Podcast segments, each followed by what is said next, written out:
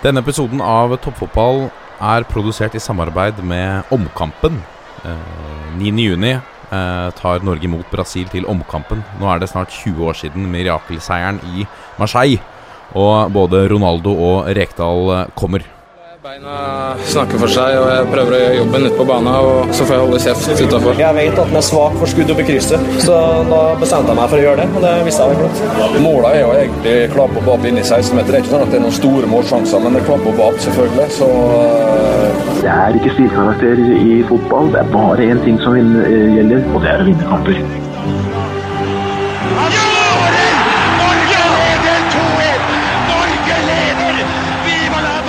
Og der er eh, toppfotball eh, tilbake igjen. Eh, stemningen har lagt seg etter både 17. mai og fotballens egen nasjonaldag 16. mai.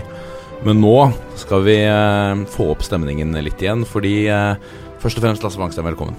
Takk for det, Martin Ropstad. Hyggelig å være her. Ja, det er veldig hyggelig å være her. Vi har jo tatt oss turen hit rett etter både feiring av både fotball og, og, og, og landet vårt. Eh, fordi eh, i dag så har vi fått en helt spesiell gjest som vi har eh, Hva skal jeg si? Det er en eh, Det er en, en fyr som vi har eh, ønsket å snakke med lenge. eh, som eh, ikke er like opptatt av kanskje å, å fortelle alle de historiene han sitter inne med, som vi er. Vi er enda mer opptatt av de historiene kanskje enn han. Uh, men vi er stolte og gleder oss veldig til å, å snakke med deg i dag. Velkommen, Øyvind Leonardsen. Takk for det. Hyggelig å være her. Rett fra eh, Du har kanskje ikke vært på, på jobb i, i Mjøndalen før du kom hit, men eh, der er du nå. Jeg er i Mjøndalen nå, ja. Eh, assistenttrener i, på A-laget der. Ja. Du har altså eh, kort Hva skal vi si Kort om Øyvind Leonardsen. Det er ikke mulig, tror jeg. Men eh, eneste nordmann som har spilt for fire klubber på øverste nivå i England. Eh, debuterte i, eh, for Norge i eh, 1990 mot Kamerun. eh, under Drillo, og en av hva skal vi si, bærebjelkene i eh, flere Drillos eh, eh, Altså flere år med, med, med Drillo. Det var første landskampen jeg så på stadion. Ja, riktig. Det var så live. debuten til Drillo på Bislett. Men det var flere kjente som debuterte i den kampen her mot Kamerun. Jeg lurer på Det husker jeg ikke, men det var jo Nei. flere fjes som i hvert fall gjorde seg bemerka. Det, det ble jo Var det ikke 6-1? Vi vant 6-1, ja. Ja. Så det var en god det var, start. det var en grei start for Drillo, da, som var eh, sånn caretaker, egentlig. Han var jo sånn midlertidig inne i Ja, utgangspunktet. sant?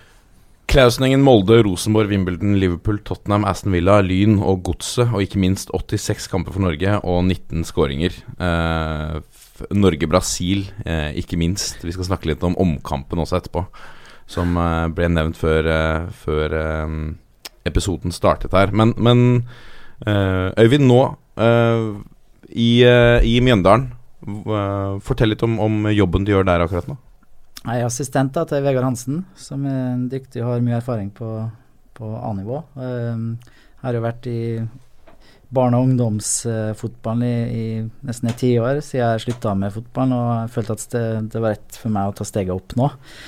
Og veldig glad for at jeg fikk sjansen i Mjøndalen, i en toppklubb, og utvikle meg videre der som trener. Um, og fin klubb eh, som har ambisjoner, og, og som eh, ja, syns passer meg perfekt å komme dit nå. Vi gleder oss til å høre enda mer om, eh, om eh, både arbeidet i Mjøndalen, eh, du, hvilke veier du har tatt i trenerlivet, og selvfølgelig også noen gode historier fra alt fra The Crazy Gang til å signere for barndomsfavorittklubben eh, Liverpool. Eh, store ting. Eh, rett etter rett skal vi selvfølgelig se nærmere på rundens øyeblikk, før vi snakker mer med, med Leo. Eh, og eh, så har vi selvfølgelig fått inn noen lyttespørsmål som vi gleder oss til å ta fatt på. Før vi skal runde av eh, dagens episode med selvfølgelig en, en preview på neste eliteserierunde. Dette er toppfotball. Da har vi kommet til rundens øyeblikk. Og Lasse Wangstein, hva er som sto ut for deg, hvis det går an å si på norsk? Nei, det, det var, jeg syns det var ganske mye fint å ta av fra 16. mai-runden. da Eh, blant annet selvfølgelig at eh, Viking fyller stadion mot Sandnes Ulf. Eh, det er fantastisk på Obos-nivå. Var vel den nest mest besøkte kampen eh, på 16. mai. Det er, det er nydelig å se at det fortsatt er en fotballinteresse i Stavanger. Men øyeblikket mitt det er litt lenger nord i landet, til det såkalte lokaloppgjøret mellom Bodø-Glimt og Tromsø. det er vel en times flytur eller noe sånt, så det er ganske lokalt. Det er målet til Runar Espejord. For den pasningen som Kent Are Antonsen sender fram til han, måten eh, Espejord eh, tar ned ballen, altså mottaket hans og avslutningen, eh, det, er, det, er, så nydelig. Uh, kunne du kanskje også nevnt drømmetreffet eh, Amin Askar, men den skåringen her blir jo direkte matchavgjørende. Tromsø vinner kampen 1-0 på 16. mai mot rivalen Bodø-Glimt. liksom hele pakka rundt kampen og hvordan han gjør det, den kylen han viser i avslutningsøyeblikket, det var et uh, stort fotballøyeblikk uh, for meg. Øyvind, uh, du er jo en mann som lever veldig i nuet og er veldig opptatt av tingene som er akkurat der du er. hva var ditt rundens øyeblikk? Ja, som du sier, jeg er opptatt av det, og, og mitt øyeblikk er jo Jeg er jo i Mjøndalen nå, og, og, jeg forlater ikke det. Uh, har konsentrert meg mest om det, og vi har jo jobba Vi har vært solid defensivt, uh, men vi skal skåre mer mål og skal bli bedre offensivt. Og, og vi spiller mot uh, Ullkisa, da, der vi skal forhåpentligvis ha en kamp der vi skal vinne med og forhåpentligvis skåre flere mål. Og um, ja, vi taper 2-0, da. Det er jo et kjedelig øyeblikk, men, men, det er jo et øyeblikk som gjør at jeg har fokus på Mjøndalen og hvordan vi skal bli bedre og hvordan vi skal tro på det vi holder på med. Og, og der er jeg. Så der har jeg ikke forlatt, og der kommer jeg til å bli til vi vinner neste kamp. Ja. Uh, jeg har lyst til Jeg, jeg også sleit litt med å, om å plukke fram Det er fristende å si egentlig Torgeir Børven. Under han mm. en uh, scoring etter mye motgang og skader og med det ene med det andre. Uh, landa likevel på, på Brann stadion. Uh, og det første Det måtte altså ti hva er det de har hatt? Fem, de har kanskje hatt fem hjemmekamper, uh, Brann, før de slapp inn et mål på hjemmebane. En vanvittig sterk prestasjon. Mm.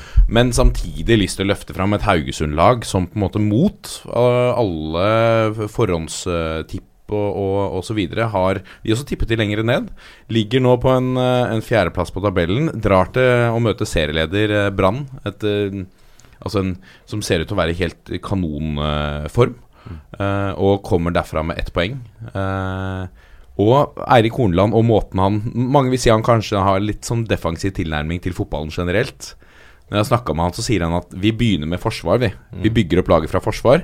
Og så får liksom angrepet bli som det blir. Men det er jo litt som uh, Lars Arne Nilsen har gjort i Brann. Ja. Altså det, de, det defensive fundamentet som nå ligger i Brann, har gjort at de nå kan presse litt høyere, være litt mer gærne og liksom ta tak i kampen med en gang. Skal ut og sjokkere. Eh, skal ut og liksom spise opp motstanden med en gang. For at de har den tryggheten defensivt mm. som de har bygd opp over flere år. Og selv om det har kommet inn noen nye spillere Tenista har jo vært solid, selv om han dessverre er ute med skade nå. Um, Daniel Bråten gjør jo ikke seg bort på høyrebekk i det hele tatt, men de har det fundamentet defensivt som gjør at de kan være enda bedre offensivt. Og det er jo det vi ser kanskje i år med det, den sesongstarten de har fått. da Ok, så trodde mange at de skulle slå Haugesund hjemme, men allikevel. Brann åtte seier og to, to uavgjort på ti kamper. De har sluppet inn tre mål. Ja. Eh, og skåra 17.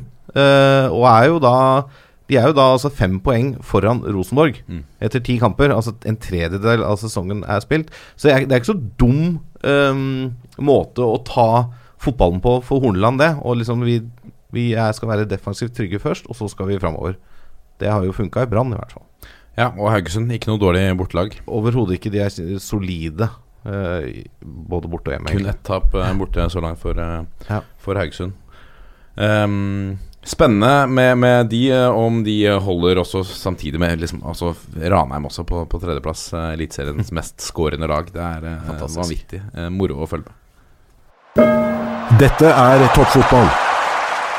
Og da skal vi snakke enda mer med deg, eh, Øyvind, om uh, uh, Altså, hvor skal vi begynne? Det er kanskje naturlig å begynne der hvor det startet. For det, for det begynte i Klausenengen.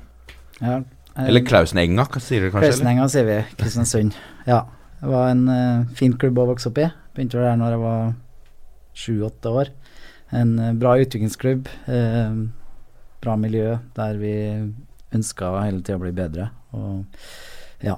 Og, de har eh, fått frem mange gode fotballspillere der. Og når jeg var 16, så hadde vi faktisk tre landslagsspillere på på samme lag, fra samme lag. Så det var jo imponerende. Hvem var det, da? Eh, de kjenner ikke i dag. Nei. De er politi begge to. Ja. Eh, Einen dro jo som 17-åring, tror jeg, til, til Rosenborg og kom Kom hjem etter et år og bestemte for at skulle bli politi istedenfor. Så, så for meg så var jo det kjemperart. Så, men men uh, de angrer helt sikkert ikke på de valgene og de gjorde den gangen. Jeg, jeg gikk jo i hvert fall Satsa fullt på fotballen og har vært heldig og nådd de målene jeg, satt satte meg. Men vi, var du en av de som helt fra du var liten hadde bestemt deg for at, hva du skulle bli? Jeg, jeg, når jeg var 14, så bestemte jeg meg kanskje. Mm. Og jeg ser i ettertid, så har jeg jo liksom Jeg følte jo liksom på en måte at det var meninga at, at jeg skulle nå så langt, da. Men jeg hadde jo veldig tidlig kjærligheten til fotballen, og, og ja. Det, jeg husker da jeg var tolv, så sa jeg egentlig til min mor. Jeg forsto ikke hva de som ikke spilte fotball, hva de hadde glede av. Så, så det var jo hadde jo i hvert fall det grunnleggende i bånn, da. Men drev du med andre idretter i oppveksten òg? Eh, Kristiansund er en bryte bryteby, så var, Ja. det var ikke så langt unna der jeg bodde. Så var jeg jo, det var en idrettsbane der, som eh, fotballbane som jeg var på, stort sett, men så var jeg også et sånn brytelokale. Så jeg var jo med der når jeg var bare på vinteren, bare for å få litt ekstra trening. Men da var jeg bare 8-10.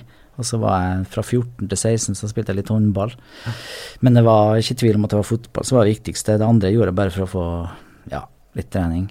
Ja, for det, din litt yngre tidligere lagkamerat eh, Ole Gunnar Solskjær òg drev vel litt med bryting i, i ung alder, gjorde han ikke det? Ja, det tror jeg. Ja. Så har han også Er ikke faren hans som var i norgestoppen eller noe sånt? Jeg Jo mener- da, de har det er jo onkel òg som har vært uh, bra med der. Ja. Det er bra, bra for grunn, uh, grunnfysikken da, til å drive med litt bryting. Det blir vanskelig å skubbe på. Ja. Ja. da, Kan godt hende at det var bra, ja. Ja. Mm. Men har du alltid vært øh, Har du alltid vært en, en, den spillertypen som du ble veldig kjent for? En som løper? Altså, Ot, folk snakka om Oto-opptaket ditt. De, de elska å snakke om det, på nivå med, med Bjørn Dæhlie og gutta. Har det alltid vært sånn? Jeg har alltid løpt mye, ja. Siden jeg var liten. Når jeg var åtte, så de som husker meg og min mor, sa alltid at jeg, jeg var overalt. Og jeg, hvis det var ei klynge med masse folk, og, så kom jeg alltid ut med barn først. så det er jo Men eh, ja, jeg har alltid vært eh, Det er fordi at jeg fulgte med spillet, tror jeg, og ville være der barn var. Så det har alltid vært sånn. Og, og i forhold til Oto og alt det der, har jeg aldri vært opptatt av Oto å springe langt, da, men jeg er opptatt av timing, har jeg alltid sagt. Som er viktigst i fotball, da. Ja, for du, altså, du har jo, det har jo blitt sagt om deg en million ganger at du var best uten ball.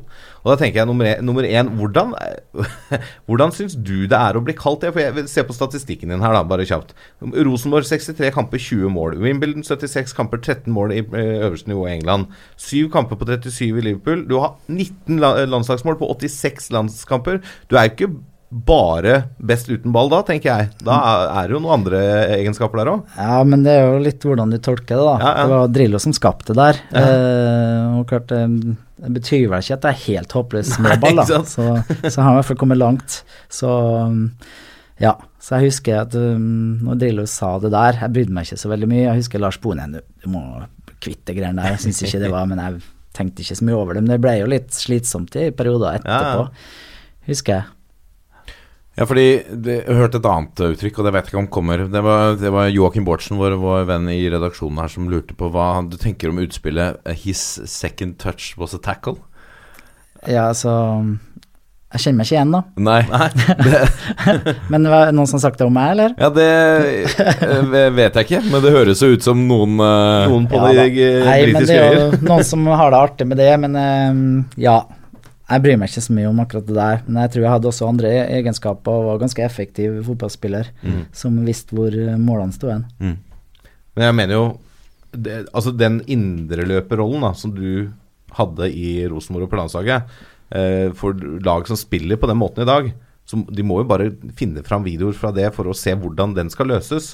Én ting er jo hvordan du kommer inn i boks og kommer deg i skåringssituasjon, men en annen, annen ting er jo det at du alltid kom hjem igjen nå og bidro andre veien. Og det er jo litt med den kapasiteten vi snakka om, sikkert. da, men eh, men det er, det er jo noe med fotballklokskap der òg, da. Det er jo ikke bare løpskapasitet. Ja, ja, men det er sånn som Drillo sa det òg, at det, det var jo Det er 87 minutter uten ball, så Mm. det er jo greit å gjøre noe fornuftig da òg. Ja, ja. så, så, og det er jo som spillerutvikler òg, det er jo det du jobber mest med, å få dem til å springe til riktig sted til riktig tid hele Ja. tida, liksom. Så det handler jo om spillerforståelse, egentlig. Timing og spillerforståelse. Ja, så, så det er egentlig et um, kompliment, vil jeg si. Ja, ja, Ja. jeg er enig.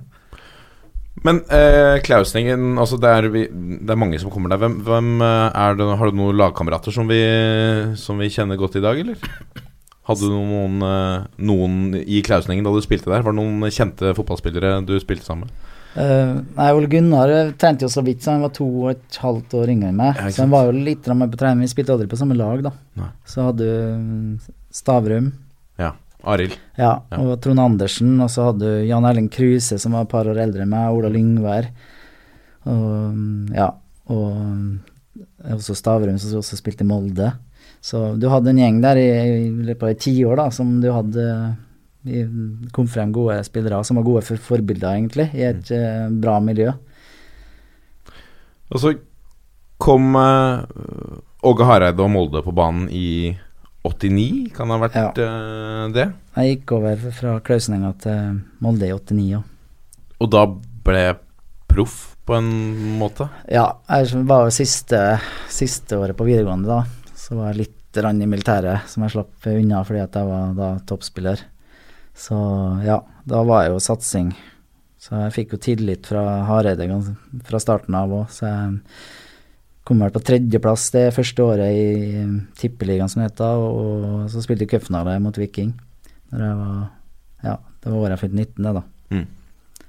Hvor, hvordan var det som så ung eh, gutt å få ta det steget?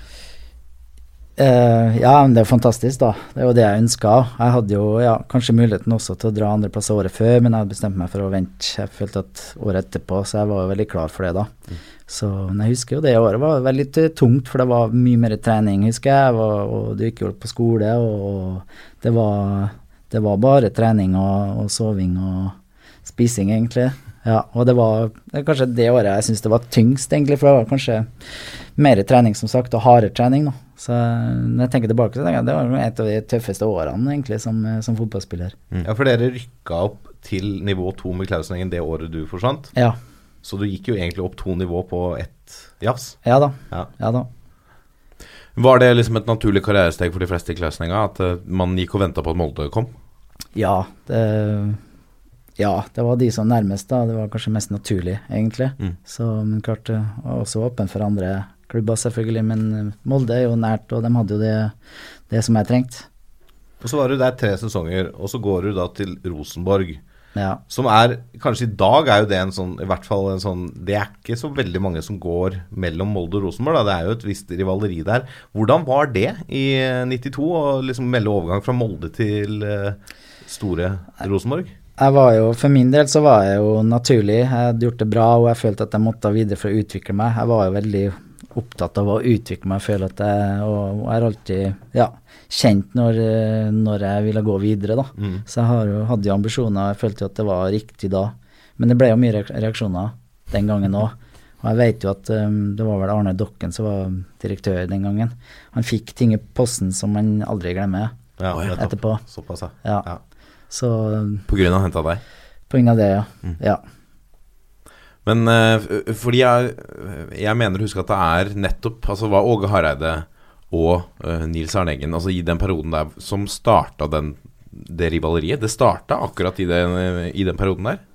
Ja, det, de møtte, jeg husker før kamper så møttes de og, og ble intervjua. De har jo alltid hatt en hyggelig tone, men litt sånn eh, Sett ting på spissen, litt sånne ting, da. Så de var jo kanskje med på å skape en liten sånn rivalisering som egentlig bare var sunn, da. Men så har det kanskje til tider utvikla seg litt feil, tenker jeg. Hvordan var eh, Nå er du på, sitter på trenerbenken selv. Åge Hareide som trener opp mot eh, Nils Arne Eggen. Hva, jeg, jeg mener ikke å spørre hvem som er best, men, men eh, typene. Hva, er det, hva, hva var likt, og hva var annerledes med, med de to? Eh, ah, vanskelig å svare på, da. Eh, Åge var jo en morsom type som, som var flink med, med spillere, men det var også Nils Arne. Eh, Nils Arne var enda tydeligere på hvordan vi skulle spille og alt det der, da, men eh, jeg føler egentlig at jeg har vært veldig heldig. At Åge Hareide fikk tillit der fra han, og, og jeg følte at jeg ble godt tatt vare på. Og de så både mine styrker og svakheter, men jeg, jeg fikk liksom tillit, da. Kanskje det som var det viktigste. Eh, ja, fotballmessig sant, eh, var vel kanskje mer offensiv eh, Nils Arne, da. I utgangspunktet. Så ja, jeg syns det er vanskelig å sammenligne dem, egentlig. Men var det litt På dette tidspunktet så har du da allerede debutert for Norge, som du gjorde som vi snakket om i 1990. Eh, hadde du den samme rollen i, i Rosenborg og, og Norge som den typen boks-til-boks-spilleren? Ja, stort sett det samme, ja. Det hadde jeg. Klart jeg var kanskje litt uh, kjappere i bakrommet og sånn på landslaget, da. Så vi spilte jo ikke alltid via midtbanen der. Det gjorde vi jo mer i Rosenborg. Så jeg gikk via Bent Skammelsrud også, at, eller fra, fra midtstopper og ut til indreløp og sånne ting. Så det var nok mer uh, spill gjennom midtbanen, da. Men det gikk fort fremover da, den gangen òg, så mm, det passa jo meg ganske bra. Men du har vært med på eh, Det ble bare to-tre sesonger i Rosenborg. Eh, Det ble tre sesonger Ja. der, og da vant jeg nå seriemesterskapet tre ganger og cupmesterskap, så det var en fantastisk tid, og, og ja. Det er artig å tenke tilbake på. Det, det var liksom Du fikk jo ikke en sånn tid igjen, der du nesten ikke tar fotballkamper. Kanskje to-tre i løpet av et år, liksom, så det, du husker jo tilbake med Det var mange gode minner derifra, da. Men du var jo da der i den perioden hvor Rosenborg virkelig tok hegemoniet i norsk fotball. Og vant år etter år og begynte å røre seg litt i Europa osv. Hva var det som gjorde at Rosenborg klarte å gjenskape de gode prestasjonene hele tiden? For hvis vi ser Vi snakka litt så vidt om det før sending. Eh, fra 2005, da, da Vålerenga vant, og så har Brann og Stabæk og noen andre klubber vunnet litt. Mm. det er jo nesten bare Molde som har klart å gjenskape et seriegull. Eh, det virker som lag blir mette, at det ikke er den samme motivasjonen til å gjenskape det. Men det klarte jo Rosenborg da var det 13 år på rad, eller noe sånt. Mm. Ja, ja, fantastisk. Hvor, hva var det som gjorde at dere klarte det? Nei, men du hadde jo Nils Arne Eggen der, og den kulturen som var der i forhold til det å, å hele tida bli blitt bedre. Uansett om du gjorde det bra eller dårlig, så jobba jeg med detaljer for å bli bedre. Veldig utviklingsorientert, da. Og noen gikk, ja, og det var snakk om at de ikke kunne mm, erstatte, liksom, men Nils Arne øh, de var jo flinke til å få inn eh, gode erstattere som passa inn, og så fikk de også klarte de også å utvikle det fordi at de, de var også flinke til å bruke kanskje deres styrker igjen, som kom, kom eh, som var nye, da, og, og kanskje mm, ja, kanskje egentlig bare gjorde laget bedre. Og så fikk de jo mer og mer erfaring ute i Europa, da. Mm. Så, og lærte av det med å få de, de referansene hvert år, og der de lærte seg å tette igjen litt på bortebane etter hvert, så gjorde det at de eh, klarte å komme, komme dit, da, og ta et steg eh, fra alle andre. Men opplevde du at Du har jo, som vi snakket om, en, spilt for fire klubber på øverste nivå i England. Arbeidet som ble gjort, profesjonaliteten i Rosenborg som var da, var det et Altså, var de i på europeisk toppnivå i, i, i det de drev med, eller er det på en måte en underdog som gang på gang overbeviste i Europa? Ja, det var noe trygt og godt der, og vi, vi var jo et lag. Laget kom alltid først, da. Og det er nå litt forskjell eh, når det kom til England, da. Der er jo litt overlatt deg sjøl, og, og hvis det ikke er du, så kommer det bare en ny inn, liksom. Og det er mye tøffere, egentlig, da, enn det var der. Men uh, veldig flink til å, å jobbe sammen og, og være opptatt av laget og det å utvikle oss som lag og, og skjønne at vi er avhengig av hverandre. Og det var er jo egentlig unikt, da. Litt av det samme var jo med Drillo og landslaget, egentlig. For det er hele tida å, å, å, øh, Den kontinuiteten og gjenskape resultatene med, med det samme mannskapet. Mm. øh, Det er ganske, må være ganske sånn unikt å oppleve det både på klubb og landslag. Å være en del av det som aldri Ja. taper, omtrent. Ja, utrolig heldig å få lov til å være med på det, da. Og, men det var en gjeng som var ydmyk, og som aldri tok noe for gitt, og som jobba steinhardt på trening og, og ikke trodde det tok av, liksom. Så veldig flink til å takle medgang, egentlig. Så ja. Og så kommer, øh, så kommer Premier League på, på døra, holdt jeg på å si. Hva Hvordan var det? Ja. Var det overraskende? Altså, kom det Hadde det vært andre klubber interessert, kom det overraskende på? Ja, det har jo vært eh, litt fra utlandet tidligere, men ikke fra Premier League. Så, men jeg hadde jo muligheten til å dra når jeg også var 20 i andre liga, egentlig, men jeg, jeg følte at det var riktig å være der jeg skulle være, eller der jeg var. Så, men etter tre år i Rosenborg og, Og der jeg gjorde det bra, og det gikk bra på landslaget, så følte jeg at da hadde jeg jo seks år i Eliteserien. Så da følte jeg at det var, nå var jeg på tide å dra videre, da. Mm.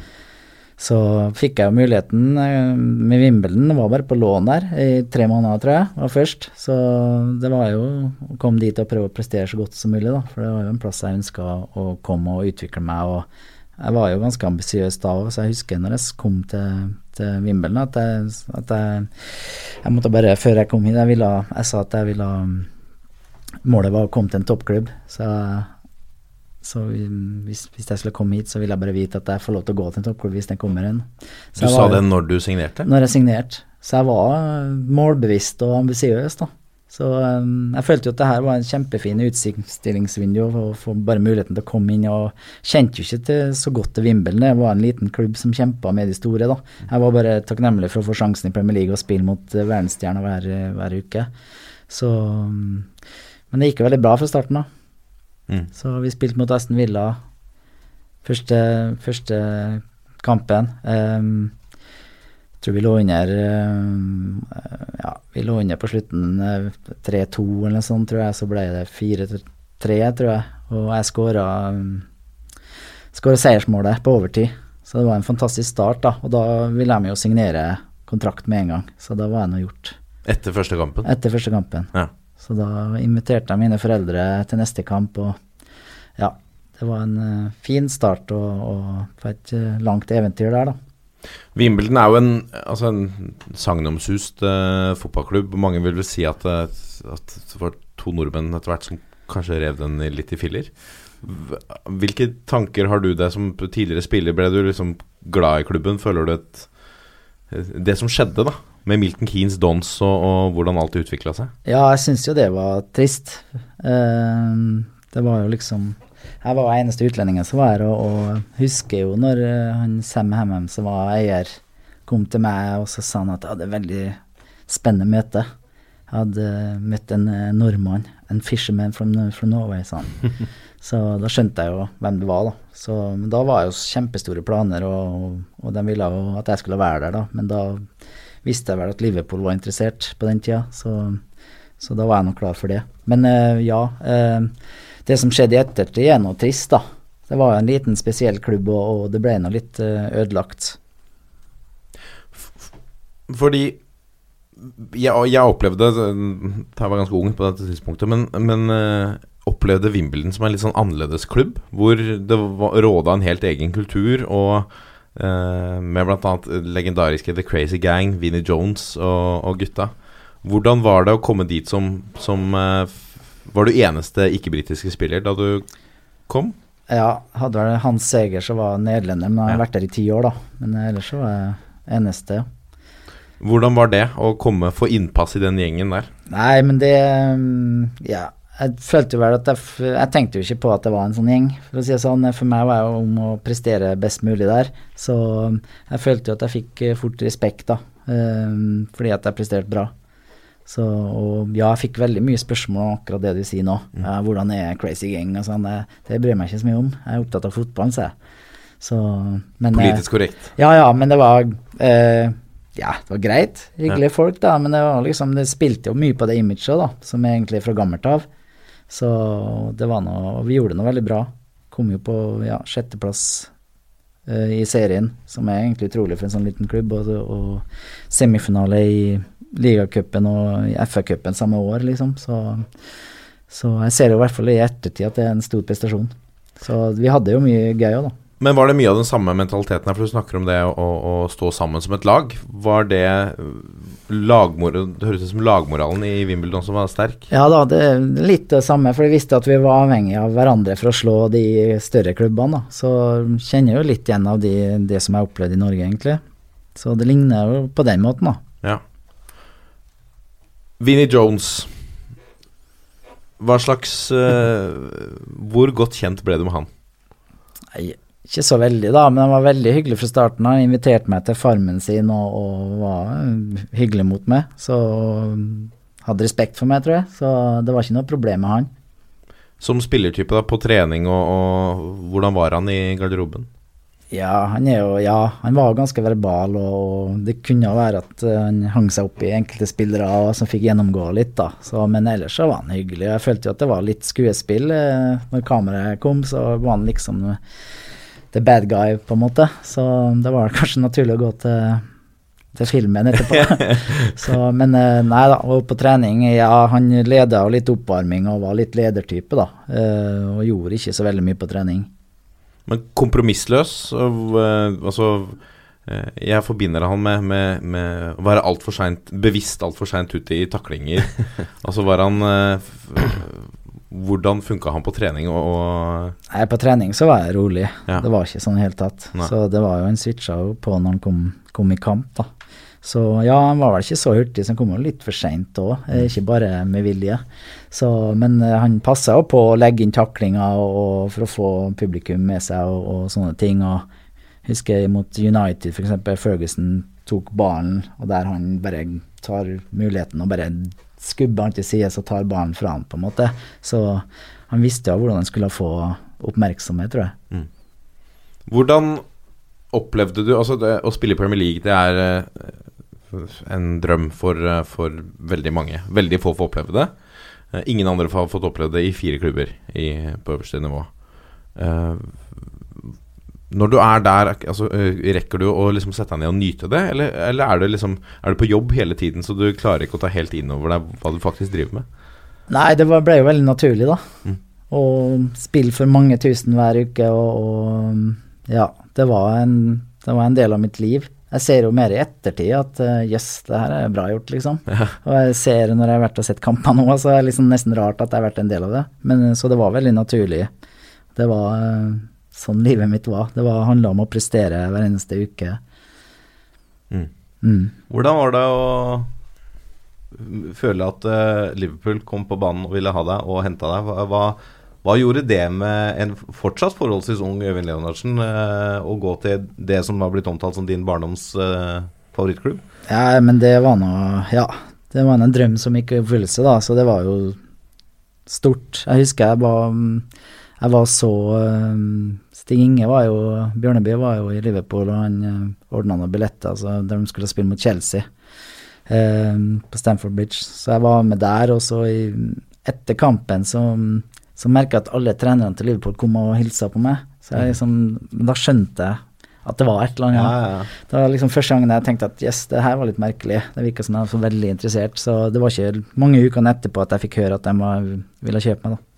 Så ja, og det, det var jo også Jeg gjorde det jo veldig bra, fikk jo mye litt av æren for at Wimbledon gjorde det så bra, da. Og det var også mye skrive, skriveri i avisene og italienske klubber som ville kjøpe meg, og, og manageren som sa at han en for un under 100 millioner kroner og sånne ting, så det var mye rykter. Så det gikk jo veldig bra, da, så det var noe gøy, liksom. Men, eh, men jeg har nå alltid vært flink til å ha, ha fokus på det og ja, trene godt og gjøre så godt jeg kan, og så får det bare andre komme, da. Men det er klart, spesielt eh, når eh, Liverpool kom, da, som, eh, som jeg holdt med siden jeg var ung, egentlig. Så jeg var vel ikke i tvil om at der ville jeg. En liten quiz til deg, Martin. Ja.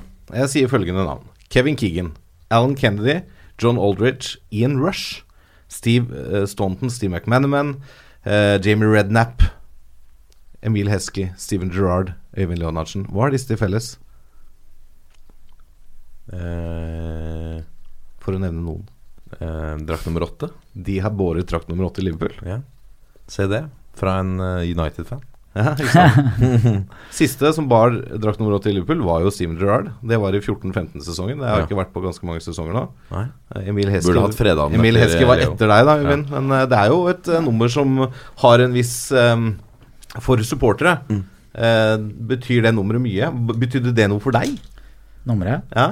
Ja, så jeg, jeg hadde jo alltid nummer sju, da. ja. Så jeg husker da jeg kom til Wimbledon, så jeg, fikk nummer 35, for det var midt i sesongen. Da, så jeg var jo liksom på han som Neste år så ville jeg ha nummer sju. Så jeg var liksom Og det kom jo egentlig fra Kevin Keegan og Kennedy Glish, Ja, da. Så jeg var litt sånn opptatt av det den gangen, da. Og mm, ja, når jeg kom til Liverpool, så var jeg Steve McManaman hadde nummer sju, så jeg skjønte jo at det var litt vanskelig. så da fikk jeg nummer åtte. Og det var greit, for jeg hadde åtte på landslaget, da. Mm. Så det var følte at jeg var happy med Det var de to som var favoritten? Ja, og det som skjedde eh, noen uker etterpå, var at Paul Ince kom fra Inter, da. Ja. Og han, eh, så husker jeg manageren eh, kom til meg og sa at vi har et lite problem, liksom. Paul Ince vil ha nummer åtte. Men du har jo fått den først, så du, du bestemmer, da. Ja. Ja, jeg skal ha nummer åtte, sa jeg. Så, jeg var, så det ble, eh, ble litt sånn tilstand i forhold til det, da. Paul Ince prøvde jo å være smart. Han arrangerte en auksjon Å, ja. der vi skulle by på drakten. Så bare for at han skulle få den drakta si, da.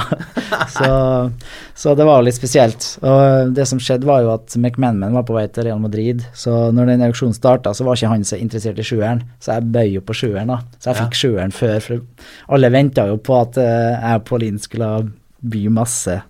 Det som skjedde når Pauline skulle, var jo at alle andre bydde. For de visste jo at han kom til å by over uansett, da, for den drakta. Så det var en sånn morsom happening, akkurat det der, da. Men uh, i ettertid så ble jeg annullert, da. Menneskene gikk ikke mye på det der, så det var noe Men Hva eh, han prøvde i- i hvert fall å få den åtteren ganske mye. Hva havna Inns på? Husker du det? 17, tror jeg. 17, ja. Ja. Det er ganske dårlig. Ja. Én pluss syv, vet du. Ja. Ja, ja. Ja, Det var, det var litt det samme når jeg kom til Tottenham, så fikk jeg 17, da. Så jeg tenkte det samme. 1 pluss 7, ok, Mm. greit. 7, og så 1, ja, det er 8, det er greit. Men etter det så var jeg vel ikke så opptatt med de draktene. Men var åtte, er åtte et eh, Og da du spilte her, var åtte et, et, eh, et legendarisk tall? Og så var det Nei, nei det det vet, vet jeg ikke. Det var noe midtbane. Da var det 1 til 11, da. Vet du. Ja. Det var ikke Ja, 99 og 89 og sånn, som du ser på Stabæk. Ja, det, er- det er sant. Må slutte med det. Ja. Eh, jeg har lyst til å, å gå litt tilbake. Jeg vet at uh, um, Eller egentlig først, fordi du er jo en uh, Du er en, uh, hvis jeg kan si det, en ydmyk kar på dine egne vegne. Men du er jo åpenbart ganske bestemt på altså, å, å bli signert til, eh, til Premier League og, og si til klubben som har oppfylt liksom, en, en barndomsdrøm, og si at her skal ikke jeg være lenge. Jeg skal, hvis det kommer en storklubb, så skal jeg gå dit. Ja.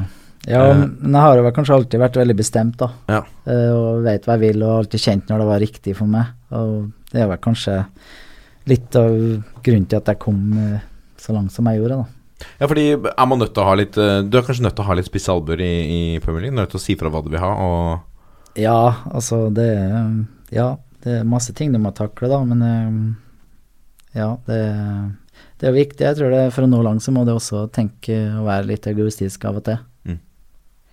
gå inn og demande eh, drakt nummer åtte, blant annet. Ja, det er ikke så viktig egentlig, men eh, akkurat der og da så var det nå det. Men eh, det viktigste for meg var at jeg følte jeg kunne utvikle meg, og at jeg, at, eh, ja, at jeg spilte fotball. Før vi går til Liverpool, eh, Joe Kinnear. Um, Kåra til årets manager eh, et år, da han var i, i, i Wimbledon. Uh, er vel av mange sett på som en uh, en, en manager med, hva skal vi si, en litt gammeldags type eh, Tilnærming? tilnærming til fotballen. Eh, det er vel kanskje ikke tak, Jeg vet ikke om han har brukt en taktikktavle, eller hvordan han eh, Hvordan var det å ha Joe Kinnear som, eh, som Ja, manager? han var jo veldig autoritær, da. Og klart han var jo den gamle engelske skolen der de fikk eh, spillerne til å stange hodet i veggen, på en måte. Så, og, og hvis du gjorde noe feil, så fikk du gjennomgå. Så ja, det var tøft. Men eh, ja, han ble årets manager. Vi kom jo, det er jo fordi at vi fikk gode resultater, da. Så det er jo kjempebra gjort å, å få til det med en liten klubb. Ja. Jeg, har en spesiell historie som jeg har lest i boka 'Proff i England', skrevet av Kjetil Siem, som omhandler deg eh, og en episode med Joe Kinnear i, i garderoben. Eh, kamp mot Everton. Hva, eh, hva skjedde?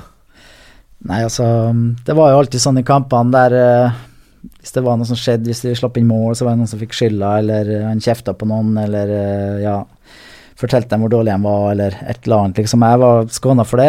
Um, Jeg gjorde vel jobben min ganske bra og var stille og rolig. Eh, Men eh, mot Everton borte så skjønte jeg at det var min tur å få den skillebøtta. For da ja, fikk jeg beskjed om å markere eh, som var en god ving fra United på den tida. Han ville at jeg, når vi gikk i angrep, så ville han at jeg skulle være frimerke og stå foran han sammen med bekken. Og det, ja, det var litt unaturlig for meg, så jeg dundra jo inn i boksen når det var mulighet, liksom, og det likte han ikke, da. Så så det ble jo litt sånn eh, kjefting fra sida, merka jeg i den første omgangen. Og ja, jeg mente jo at jeg kunne gjøre begge deler, og det, det følte jeg at jeg gjorde òg. Men allikevel så følte han vel ikke at jeg hørte ordentlig etter, da. Så jeg skjønte når jeg kom inn i, til pause da, så var det min tur å få kjeft, og da sto han eh, ja, rett foran meg og spytta ordene ut i ansiktet mitt, egentlig. Ganske høyt. Og ja, jeg var ganske rolig der og, og bare sa at hvis du skal snakke til meg, så, så må vi snakke rolig. så det gjorde han vel kanskje mer irritert, så han fortsatte med å snakke og spytte mot meg, så jeg sa det rolig en gang til. Så, for jeg var ganske sint i måten han også var på, og har vært på til andre, egentlig. Så, så ja, når han gjentok det en gang til så, og, og var like ille, så ja, sa jeg et F-ord til henne i, i ansiktet, så gikk og satte meg. Så assistenten var litt redd for at jeg ja, ble litt stressa da, liksom, og beroliga meg litt, men, eh, men eh, enden, det endte jo veldig godt. Vi gikk ut eh, til andre omgangen, og vi vant kampen til slutt, og jeg skåra. Og Ja. der han kommer inn i garderoben, og mens alle andre hør, eh, hørte på, så sier han til meg at eh, I knew you got balls, sa han. så da var jeg på en måte, ble jeg akseptert i den gjengen, fort. Ja, for at, Var du før det kjent som en litt sånn altså stille, rolig fyr som gjorde jobben sin, på en måte? Altså, ja, jeg gjorde vel ikke så mye ut av meg utafor banen. På banen så var jeg nok jeg var en, var en ganske tøff, tror jeg, da. I både taklinga Jeg var, var ikke redd for noe. Så jeg tror at eh, de, Ja, jeg ble akseptert, og de likte jo å spille sammen med meg, tror jeg. Mm. Så jeg, for jeg gjorde jo jobben min. Så, men utafor så var jeg nok ikke sånn, så da fikk de nok se andre sider av meg. Så gikk turen til, eh, til eh, Liverpool. Um, på det tidspunktet så var Stig Bjørnby var der. Uh, Bjørn Tore Kvarme var vel også Ja, der. ja. Uh, Vegard Heggen kom Ja. ja, stemmer. I 98 eller noe sånt? Da. ja Ja, jeg, jeg mener jeg tror det. Ja. Fortell litt om, om eh, tida i eh, Liverpool og det å representere favorittklubben sin. Ja, Nei, men det var jo fantastisk å få komme dit. Og i Wimbledon, ja, det var mye lange baller om å slå ned i, i, mot cornerflagget og springe, egentlig. Og springe et, og forsvare seg mye. Så Liverpool, eh, ja. Jeg, jeg syns fotballen ble artigere igjen, da, på en måte. Eh, Det å få spille fotball og, og alt det der. Og de ville ha meg dit, for de ønska å ha mer eh, trøkk i boks. Og mm, de spilte 3-5-2 på den tida. Jeg fikk en bra start til preseason.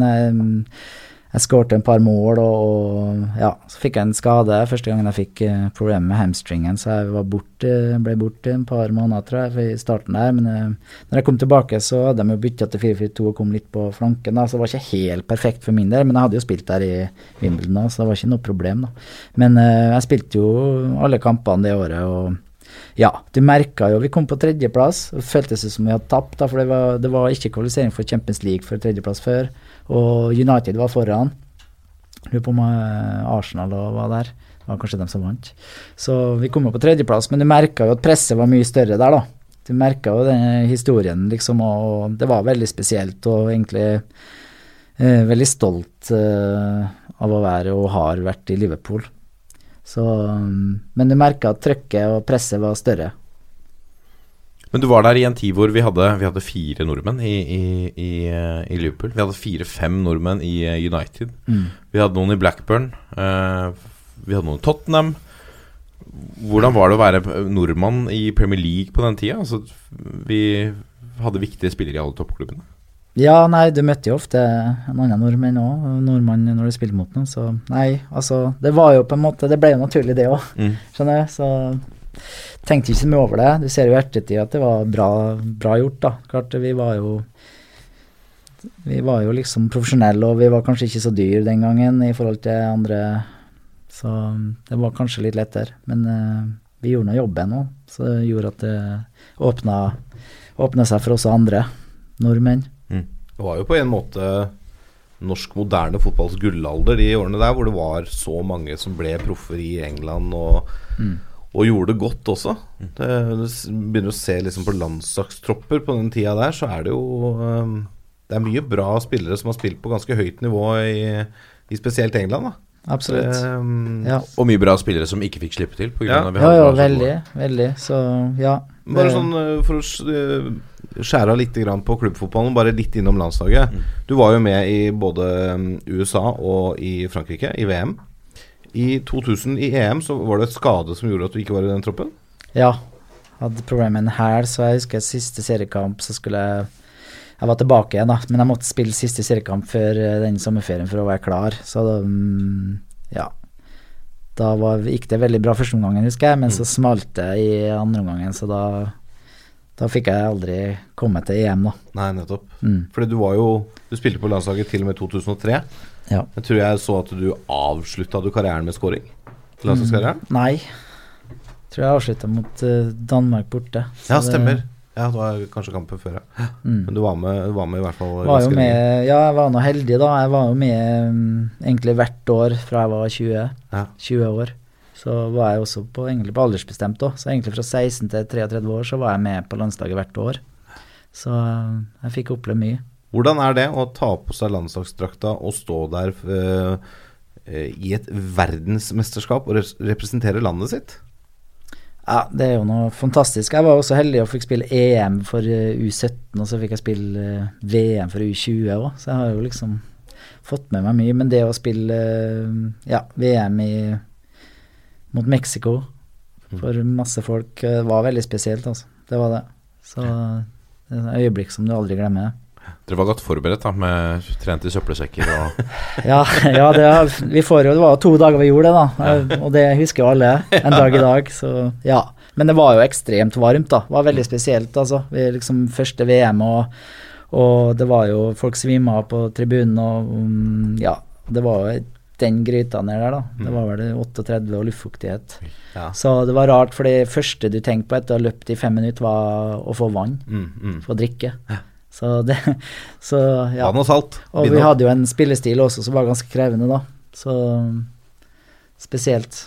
Var det med på Altså var klimaet med på å gjøre at Som du sier, da, vi hadde en spillestil på, på det tidspunktet så lå vi på andreplass på Fifa-rankingen. Vi var verdens nest beste landslag Ja. ifølge den rankingen. Ja. Men det klimaet der, ah, hvis eh, VM hadde blitt spilt eh, i, eh, i Frankrike, da, f.eks., på, den- Ja. på den tida, tror du Ja. vi hadde gjort det bedre?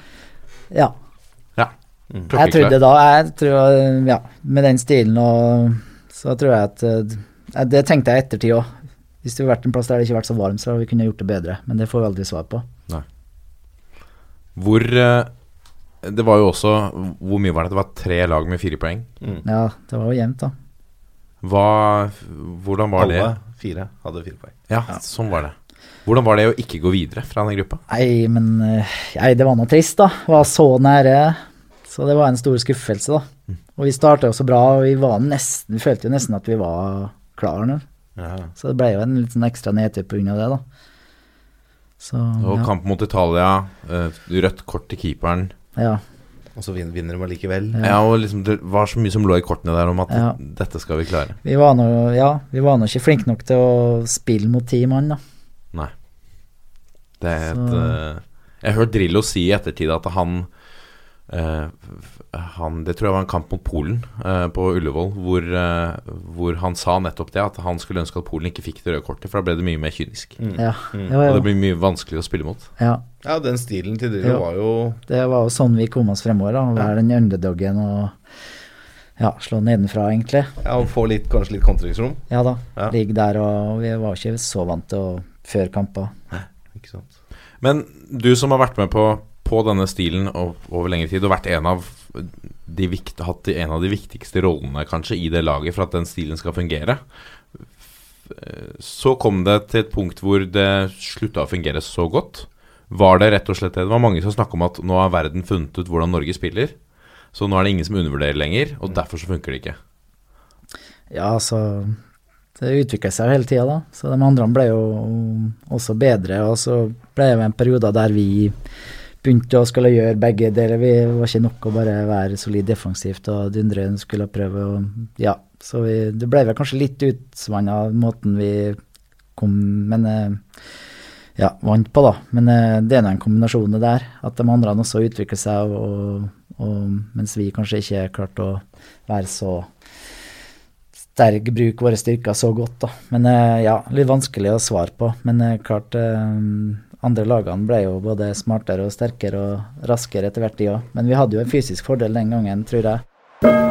Dette er toppfotball. Hvordan var eh, forskjellen på norsk eliteserie og, og Premier League på den tida der, da?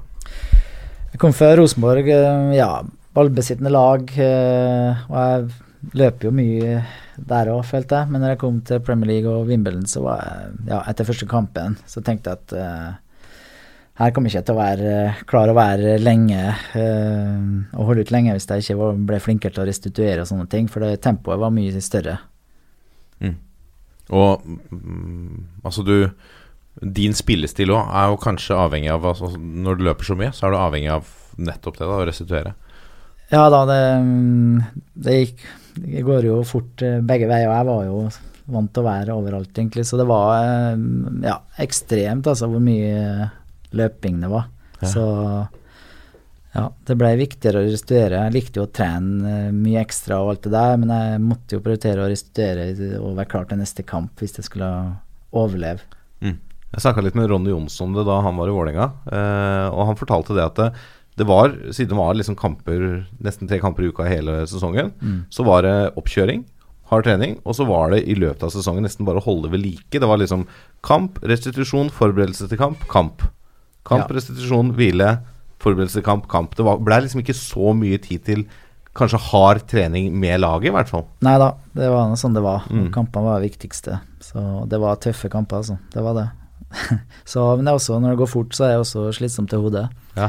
Så klart det var stor forskjell fra, fra norsk fotball og Premier League da. Mm, mm. Hvilke, det syns jeg er litt interessant. At det er mange som syns sånne eh, detaljer som ikke kommer fram så godt. Eh, Da jeg oppdaga at Ole Gunnar Solskjær, eh, hans beste kamerat utenfor banen, var Jordi Cruyff, så syns jeg det var kjempeinteressant. Eh, hva, hva slags venner fikk du Hvem er det du hang mest på utafor banen i Liverpool, f.eks.? Nei, altså det ble noe naturlig. Vi hadde, var nordmenn der, da, så det var litt naturlig at eh, kanskje vi var mest sammen, og du hadde noen andre, ja, en danske der blant annet. Og det var noe Og utenlandske, da, så det var kanskje naturlig at vi var mer sammen med de enn de engelske, da. Ja. De utenlandske for min del. Ja. Ja. Men er det noe med nordmenn og, og, og nederlendere? Opplever du det at det er en At man har en eh, Jeg vet ikke. Jeg, jeg kjenner det igjen også fra eh, Ole Gunnar, og, og som også snakker om eh, andre nederlendere i klubbene, og at nordmenn og nederlendere har gått godt sammen da i, i Premier League. Ja, ja da, vi, vi er nå litt like på mange måter. Ja. Kanskje nederlenderne er litt mer arrogante og, og selvsikre enn en nordmenn, kanskje. Ikke så ydmyk, Mm. men, mm. men ja, det er en viss likhet. Men jeg husker også at um, vi hadde spilt sammen med noen også fra Sør-Amerika, fra Uruguay og Argentina, og jeg følte jo at de var mer lik oss enn engelskmenn, da. Det er det var litt spesielt. Søramerikanerne er mer Ja. lik eh, nordmennene. Absolutt. Ja. Mm. Hva legger du i det, da? Nei, jeg, jeg vet ikke. Det var mm, Engelskmenn er det, sant? de er jo veldig sosiale og kanskje litt høylytte og, og, og ja, jeg følte i hvert fall at de som var, jeg ble kjent med, var litt, på en måte litt ydmyke og roligere av seg. da. Så på den måten, så, og vi snakka mye om akkurat det. De følte det samme, dem òg. Hvem snakker vi om da, da? Uh, Gus Poyet, Ja. altså Tarico Maurizio, Ja, riktig. argentiner. Så For dette var det i Spurs? Det var i Spurs, det der. Ja. Ja. Men jeg husker at vi diskuterte mye det der, og vi følte at vi var mye mer like enn eh, engelskmennene. da. Så engelskmennene har alltid vært litt annerledes. De kjører jo på venstresida og alt det der, så det er jo sånn det er. folk. Men eh, mange hyggelige engelskmenn da. Men du gikk jo til, eh, du gikk til- Spurs. Hvordan var det å forlate Liverpool, da? Ja, det var helt greit. Ja. Uh, Hulier kom jo inn i, i 98, det var etter VM. Um, og jeg var jo med preseason. Var litt, jeg husker jeg var sliten, det har vært VM og, og mentalt litt sliten, men jeg var fysisk på topp, egentlig. Og vi hadde um, siste um, Siste treningskamp før uh, serien uh, starta, eh, mot Celtic borte, med full stadion. Jeg tror det var en åpning av stadion der, og Never Walk Alone på begge lag og sånne ting, så det var jo syk stemning, da. Men vi vant 1-0, og jeg skåra. Det var siste kampen, men uh, uka etterpå, når serien startet, så var jeg ikke med. Så um, da hadde han på en måte bestemt seg for å ikke satse på meg, da. Så det ble Da var du helt ute av toppen? Ja, eller jeg var vel med på benken en periode der, men, uh, men det var tøft, for det var første gangen i min karriere faktisk jeg ikke var i førsteelveren. Så det var kanskje på tide, jeg vet ikke. Men det var i hvert fall eh, tøft. Jeg syns det var vanskelig. Eh, Fikk den motgangen der og var sint, egentlig. Og takla litt dårlig, og det gikk noe litt utover um, prestasjonen på banen òg. Men eh, etter hvert så begynte jeg å ha fokus på meg sjøl, og her skulle jeg bare trene og bli enda bedre. og og, men det tok lang tid før jeg fikk sjansen igjen, da, helt på slutten egentlig av den sesongen. Så jeg spilte jo de siste, pga. mye skader, sånn, så spilte jeg de siste sju kampene, tror jeg. Og da gjorde jeg veldig bra. Eh, kom sterkt tilbake og hadde også en preseason der, eh, der jeg mm, Ja, jeg spilte veldig bra, og han, han eh, sa at han ville at jeg skulle være, da. Så, men da visste jeg at Tottenham var interessert, og jeg var, mm, var redd for at det skulle bli en sånn sesong til. Jeg følte at jeg var på toppen av min karriere. Jeg har aldri vært bedre som fotballspiller, følte jeg, og jeg ville spille fotball. Så det var det viktigste for meg. Jeg ville ikke være der, og jeg, jeg prøvde, jeg gjorde det jo bra, og vi spilte jo reservekamper. Jeg følte at, eh, men han følte vel at han hadde bestemt seg, da. Så, så jeg husker veldig godt vi skulle ta bilde på for ny sesong på, på Anfield. Hadde drakt, og han kom og sa at eh, For da hadde jeg egentlig bedt om uh, Snakka med chief executive der og sa at, eh, at jeg ville gå. Men de, de sa jo at jeg kunne gå opp til en viss sum, men så kom Ja, så ville de ha mer, så det ble litt sånn frem og tilbake der, da. Men så hadde de kom hun til meg og sa at, um, at nå har vi blitt enige, men du vil vel ikke gå? Så jo, jeg vil gå. Så, så da så ja, men da må vi ta av deg skjorta. Da blir ikke med på bildet. Det var greit. Så, men um, Var det litt sånn litt trist kanskje der og da? ja, klart det. Det var der jeg hadde Men eh, for min del, eh, jeg ville spille fotball. Det var det viktigste for meg. Eh, og mm, ja, det var ting som skjedde i, det, i løpet av det året med Hulier som gjorde at jeg følte at eh, ja, jeg ville gå en annen vei. Så, men um, Dårlig kommunikasjon? Nei, altså Nei, altså det, Ja, la press, da, på meg, på en måte, som var unødvendig. Ehm, skal ikke si så mye om det her. men eh, men ehm, i hvert fall så hadde, vi en fin prat etterpå. Han uh, syntes at jeg hadde takla det året mm, veldig profesjonelt, og han trodde aldri at han kom til å få se noen som takla like godt som jeg gjorde, da. Så det var på en måte en liten seier for meg å takle motgang, da. Jeg takla medgang veldig godt, så fikk jeg litt motstand og motgang det året, men jeg følte at jeg takla bra og ble Jeg følte når jeg kom til Tottenham, så har jeg aldri vært bedre fotballspiller. Så, mm, så det kom egentlig noe godt, og det var en liten seier for meg sjøl at jeg takla den motgangen. da. Så i ettertid så ser jeg at det, det var greit, egentlig. Men, mm. men eh, ja, jeg, jeg var liksom ikke sånn spiller som eh, var fornøyd med å være på benken, da. Nei. Og da går man videre fra favorittklubben, Lasse. Ja, men det er bra. Det å, altså, det, en fotballkarriere er forholdsvis kort, da, eh, hvis man sammenligner med vanlig arbeidsliv. Det er klart, Da må man jo tenke på seg selv og sin egen utvikling, og, og at, man, at man har den lysten til å spille fotball, og ikke bare være og heve lønn i favorittklubben. Det syns jeg er eh, helt riktig innstilling mm. når man er på toppen av karrieren. Så må, bør det og må det jo være. Hvis man skal utvikle seg. Altså. Ja. Vi snakka litt om, om VM 98. Vi må snakke om uh, 23.6.1998. Ja. Eh, nå, eh, om en eh, drøy måned, så er det 20 år siden. Hvordan eh, føles det som det var i går, eller har det eh, Ja, så det blir jo påminna, ja. Og spesielt nå når det skal bli omkamp òg. Så um, ja, det var en stor eh, hendelse. Men du skjønte vel ikke hvor stort det var før etterpå, når du møtte reaksjoner og sånne ting. Men eh, ja, det var en eh, veldig fin opplevelse, og, glad for, og veldig glad for at jeg fikk oppleve det. Du spilte i hele kampen Ja. da vi slo Brasil. ja. Hva Når du er der skjønner, jeg, jeg skjønner ikke at ikke du forstår når du er der, hvor stort dette er. da Fordi dere har slått Brasil, som Skeie sa på kommentatorboks sikkert 100 ganger. Brasil hadde ikke tapt i VM eh, gruppespill siden 1966. Ja. Nei, du, har jo, du har jo veldig fokus på kampen og prestere så godt du kan. Og, og ettertid, når vi satt i bussen, ja, vi merka reaksjoner på gærne nordmenn utafor, men så fikk vi høre hvor gærent det var i, på Karl Johan og sånne ting. Og da er det liksom Jøss, yes, det her er stort. Ja, det, var jo, det var jo en kollektiv lykkerus i hele Norge. Den, Ja. eh, altså Folk eh, tok ut i gatene i Ja. Oslo. Det var jo smekkfullt i Spikersuppa og Karl Johan, og folk feira jo som at Norge skulle vunnet VM omtrent. Det var jo helt uh, Ja. eurofi. eller Ja, det var mange følelser der. Um, ja, jeg husker jeg fikk uh, Vi fikk jo tilbud når vi skulle spille mot Brasil, og det ble så viktig en kamp, da. På en måte så fikk vi vi tilbud om eh, sånn charterfly som skulle komme med nytt et, da, på en måte, så vi fikk tilbud om eh, om vi hadde ønska noe. Så jeg fikk foreldrene mine nedover til den kampen. Så jeg var veldig glad for det i ettertid, at de fikk oppleve det, for det var en stor opplevelse for de.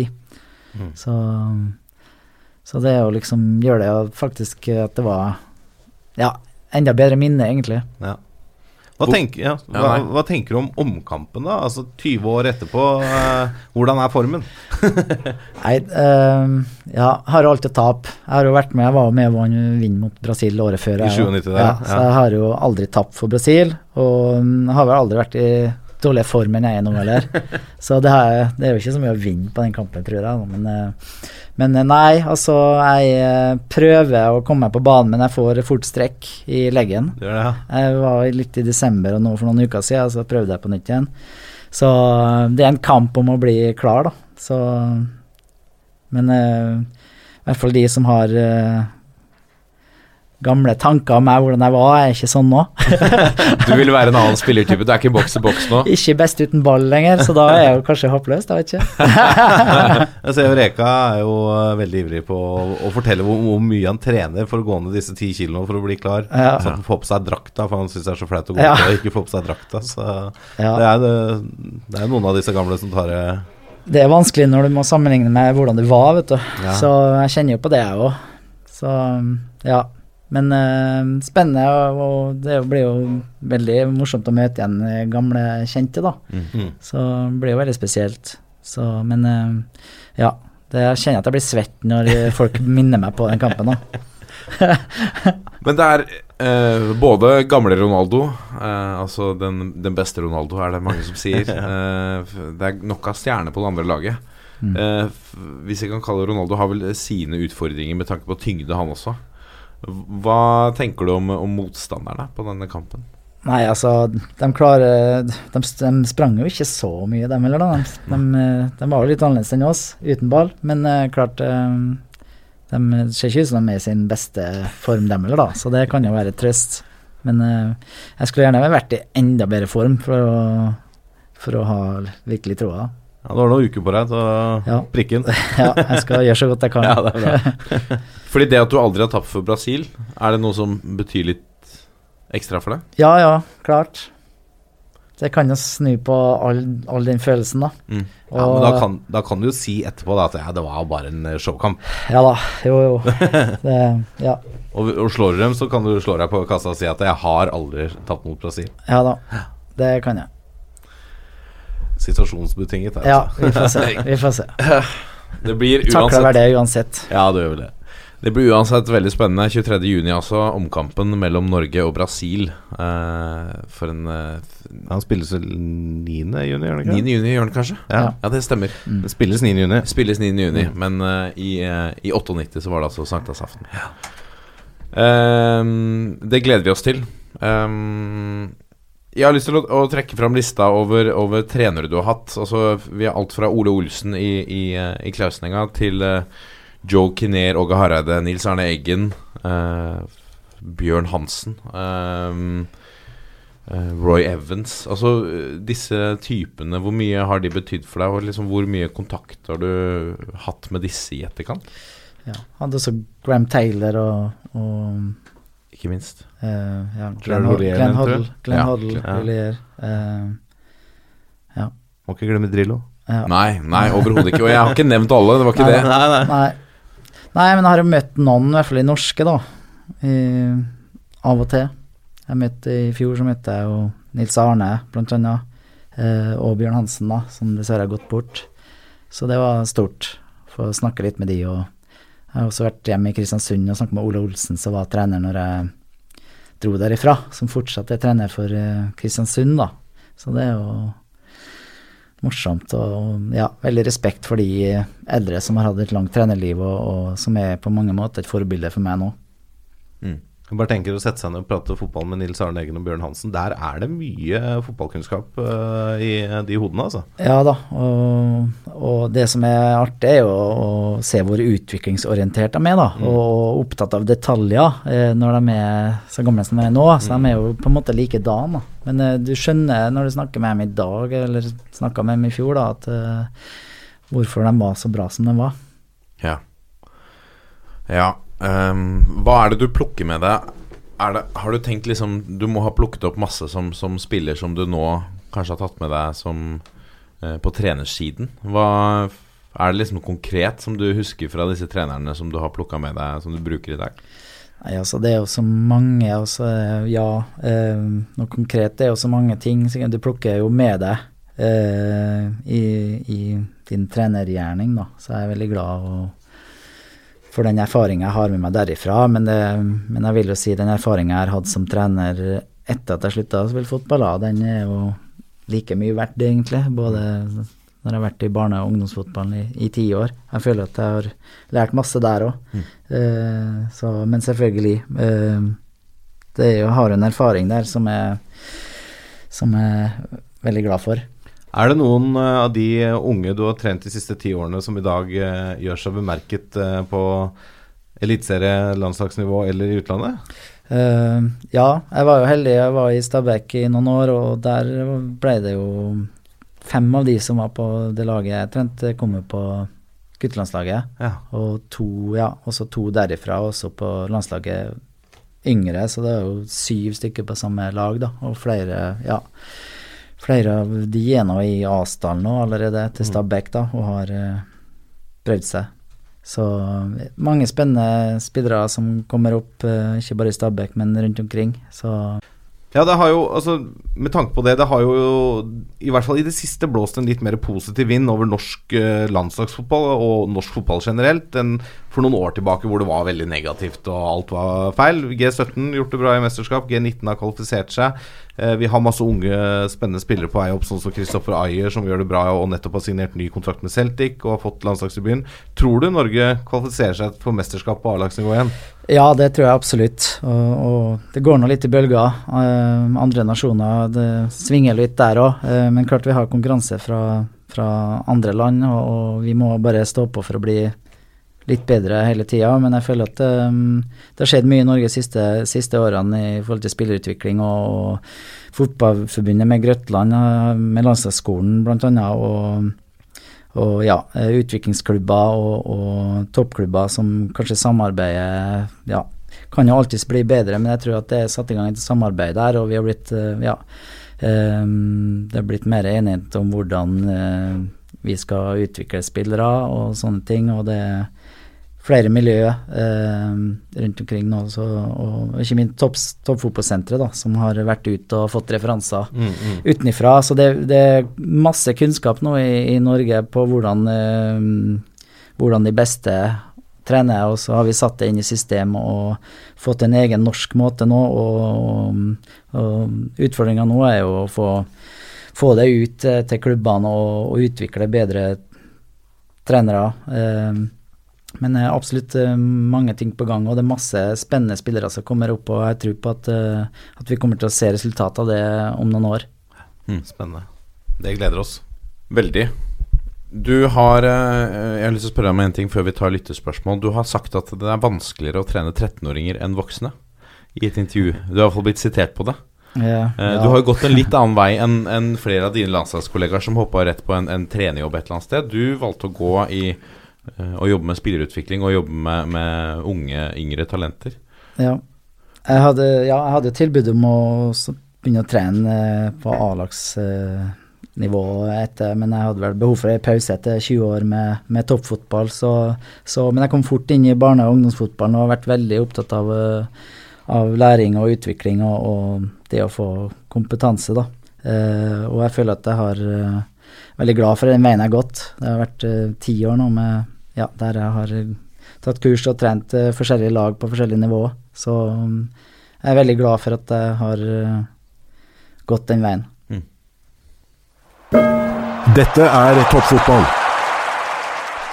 Så har vi fått inn noen lyttespørsmål fra, fra mm, spente lyttere som har gleda seg til du kommer i studio, Eivind. Eh, en, en del av disse har vi dekket allerede, men Benjamin Sears, en av våre faste bidragsytere, lurer på hva tenkte du da Morten Ramm var innom på godsetrening?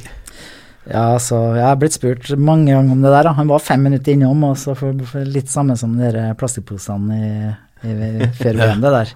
Men eh, ja, det var jo litt spesielt. Eh, sånn Forhistorien på det der er jo at vi var sant, Det kom ofte mange prøvespillere, og vi Ja, det kom mye forskjellig. Og vi ønska at de egentlig skulle kanskje være med på juniorlaget eller et eller annet før de kom til oss, da. Så kom det jo en type med som eh, som har vært på college i USA, så jeg ble jo litt skeptisk. Og jeg så på løpesettet, så tenkte jeg han der er ikke noen fotballspiller. Men uh, det var greit. Jeg så ikke alt det andre han gjorde, da. Uh, Kasta ball i bakhodet og sånne ting. Jeg tror nok ikke jeg har tolerert det. Men, uh, men uh, Nei, men det var nå en morsom greie. Eh, så og ja. Så jeg, jeg var vel opptatt av å få kvalitet på trening, da, og jeg følte at det var bare tull. Så ja. Ja, for han var veldig på deg. Han løp etter deg og slang dritt og Ja da, og jeg, jeg vet ikke, sånn intuitivt så følte jeg at det var et eller annet for jeg, Det var noe kamera, så jeg var noe i hodet, så jeg tenkte jeg skulle rope ut at den der må vi få ut, liksom, men så ble jeg at jeg gikk og hviska til treneren istedenfor, så det så sikkert litt rart ut, men, eh, men eh, jeg trodde jo at den var dopa. Han ja. snakka veldig høyt, og det han sa var jo bare tull. Så, så jeg ville jo få han der raringen der ut, da. så det ble litt, faktisk litt krangel etterpå med trenerteamet òg. Dag Eile Fagermo og Jostein Flo, eh, som ville være seriøse. Og nå setter vi i gang ordentlig. Ja, men hvordan kan vi sette i gang ordentlig, de, for de var jo med på det. Ja. Så um, jeg fikk også tilbud om å få det klippet bort, da. Ja. Så jeg sa bare det er greit.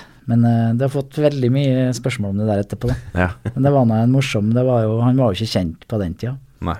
Nei, du var med å skape Morten Ramm. Så har vi Lars Martin eh, Gimse som lurer på punkt én. Hvor fantastisk var Ledley King? Ja, altså han um, var bra, var veldig mye skada når han var yngre. og Han kan alltid vært Han ble jo nesten Ja, han var veldig mye skada, men han var kanskje etter at jeg dro at han kanskje var på sitt beste, etter som jeg husker. Men eh, veldig var et stort talent og, og en bra spiller, ja. Og han lurer også på er Steffen Freund like kul som han virker? Steffen Freund eh, Ja, jeg, likte han veldig godt. Veldig spesiell og, og, gir veldig mye av seg sjøl, så jeg, det er en av de spillerne jeg husker veldig godt i positivt for, fortegn, ja. Som du blir litt glad i, ikke bare på banen, men også utafor. Og så lurer han også på da oppfølgeren, eh, oppfølgeren eh, Var eh, Steffen Freunds null mål for Spurs et tema i garderoben? Nei, altså, jeg kan ikke huske det. Steffen var jo en lagspiller, og han bare Dere dundrer fremover, jeg dekker dere.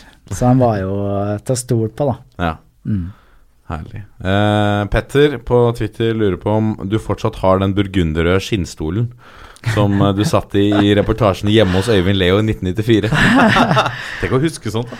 Ja, det er helt utrolig. Eh, nei, jeg har nok ikke det. Nei. Hva var dette, og er det verdt for lytteren å gå inn og, og sjekke det ut? Nei, jeg tror ikke det. Nei. Nei, Veldig kort og greit. for spesielt spesielt interesserte. Ja. Dette er toppfotball. Dette har vært fantastisk, eh, Leo. Eh, Helt til slutt så vi, vi har bedt deg om å sette opp din fire norske fotballstjerners middag. Eh, Hvem hadde du invitert, og, og hva hadde du kokkelert sammen? Ja, jeg tenkte jo at det da kunne vært morsomt å, å invitere de første trenerne jeg hadde på toppnivå. Jeg var heldig å ha kanskje de beste vi hadde, har i Norge. Så, så først hadde jeg jo Åge Hareide. Det har vært morsomt å sette seg og snakke med han og, og Nils Arne Eggen og Drillo. De treene sammen eh, og snakke med de om, eh, ja, om fotball og, og, og ja, lederskap, kanskje, og om ting har forandra seg. Og ja, fotballfaglig prata der jeg kan sikkert lære masse. Eh, det har vært morsomt å møte dem igjen og hatt en middag, ja. Hvor mye slipper man til i et sånt uh, altså, Hvor mye får man sagt selv med de tre andre rundt bordet? Ja, det kunne vært eh, Ja, du må jo kjempe for ordet, da, tenker jeg. Så, men uh, Nei, men jeg har veldig gode minner og, og tanker om alle sammen, liksom. Og det er veldig privilegert som har fått lov til å hatt de som trenere. Og alltid hyggelig å møte dem igjen. Det er jo tre legender i norsk fotball, selvfølgelig. Men jeg syns jo det jeg, Fortsatt når jeg tenker på Åge Hareides landslagskarriere som trener eh, på midten av 2000-tallet Jeg syns det er så synd at det er liksom det vi husker av han på landslagsnivå. For det ser hva han har fått til i Danmark eh, nå og nylig, og hva han har fått til andre steder før. Han er jo en kapasitet. Ja. Det er, det, jeg syns det er leit at vi ikke klarte å utnytte det i Norge på en bedre måte. Men sånn er nå alltid, også både som spiller og trener. Du har uh, oppturer og nedturer, og det er hvordan du takler da. Og det er jo akkurat den historien som gjør at eh, han er så god og der han er i dag, sikkert. Helt sikkert. Øyvind Leonardsen, dette har vært eh, strålende. Eh, tusen takk for at du eh, tok deg tida. Eh, og vi ønsker eh, deg alt vel med helsa, sånn at du kommer deg på banen til omkampen mot, eh, mot Brasil den 9. juni. Ble vi enige om det? 9. juni. Eh, På Ullevål stadion. Det gleder vi oss til. Eh, og lykke til med sesongen. Tusen takk for det. Det var hyggelig å være her. Dette er toppfotball. Fantastisk med besøk av legenden eh, Øyvind Leonardsen. Og hva passer vel bedre da å starte previewen på neste eliteserierunde, Rasse, med, med Kristiansund eh? Ja, han har jo vært i Godset. eh, er fra Kristiansund, så det passer jo veldig godt. Eh, her er du god på manus og, og kjøreplan. Tusen takk. Eh, dette er jo to lag som kommer fra hver sin smell 16. mai. Eh, og det skiller kun ett poeng i Kristiansunds favør før kampen. Med andre ord er dette nesten en sånn sekspoengerskamp, eh, der en eventuell vinner rykker litt fra lagene bak på tabellen. De møtes bare for tredje gang i historien. Eh, I fjor endte det med 2-0 til KBK i eh, Kristiansund i april, og Godset tok revansje og vant 4-2 på eget gress i juli. Kristiansund har nå så langt i år 2-1-2 og en målforskjell på 5-6 på hjemmebane. Verdt å merke seg der at tre av baklengsmålene de har sluppet inn, eh, kom altså nå i 1-3-tappet mot Ranheim 16. mai.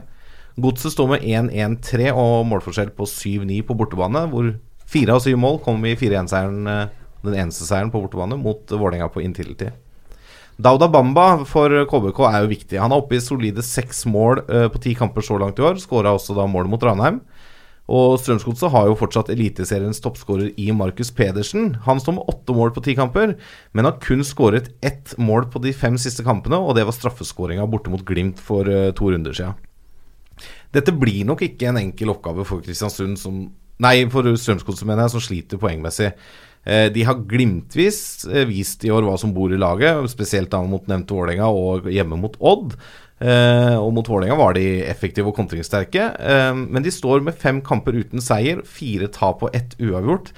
Det er langt under forventningene til, som mange hadde til Godset før sesongen. Kristiansund står nå med to tap på rad, eh, hadde fire kamper uten tap før det. På meg så virker det litt som Tor Ole Skullerud sliter litt med å finne ut av det, og kanskje spesielt på midtbanen. Det har vært eh, mange skifter fra kamp til kamp. Herman Stengel er litt ut og inn. Og de lider nok under at Basel Gerradi og Eirik Ulland Andersen ikke presterer på samme nivå som i fjor høst. Så dette her tror jeg er en ganske åpen kamp, eh, hvor det blir tett og jevnt, og kanskje bare skiller ett mål hvis det blir en seier her. Ja. Tøff uh, bortekamp for uh, Godset, det, som ikke har vært gode på bortebane. Um, start uh, ble feid av banen eh, f- 4-0, altså mot uh, Sarpsborg 08 på fotballens eh, festdag. Nå tar de mot Bodø-Glimt eh, hjemme. Eh, mot uh, Sarpsborg 08 sist, så ble det Altså, seieren her kunne vært større. Sarpsborg 08 hadde flere store sjanser og mye muligheter for å skåre enda flere. Det er ingenting som tyder på noe potensiell friskmelding i uh, eh, og, og potensiell makrellfotball fra, fra sørlandslaget. Um, Bodø-Glimt var jo på en litt oppadgående kurve, og så tapte de 0-1 på, på hjemmebane nå sist. Det var ikke gode nok mot uh, Tromsø. Skapte flest sjanser, og så ble det mye syting for at Tromsø drøyde tid osv. Um, kasta folk framover i, uh, uten resultat i, i, i andre omgang. Svak første omgang.